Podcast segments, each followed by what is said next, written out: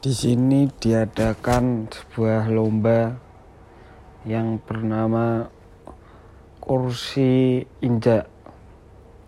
Jadi itu permainannya sebagai ada kursi 4 dan orang 8. Nah, itu kursinya diput diputeri sambil jalan cepat dihitungi 1 sampai 3 kalau sudah 3 itu di masing-masing orang harus duduk di itu. Yang tidak dapat kursi akan dikeluarin dari permainan.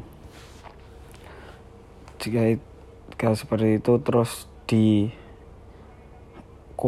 kursinya. Habis itu bermain lagi seperti yang tadi jadi seperti itu permainannya. Sekian.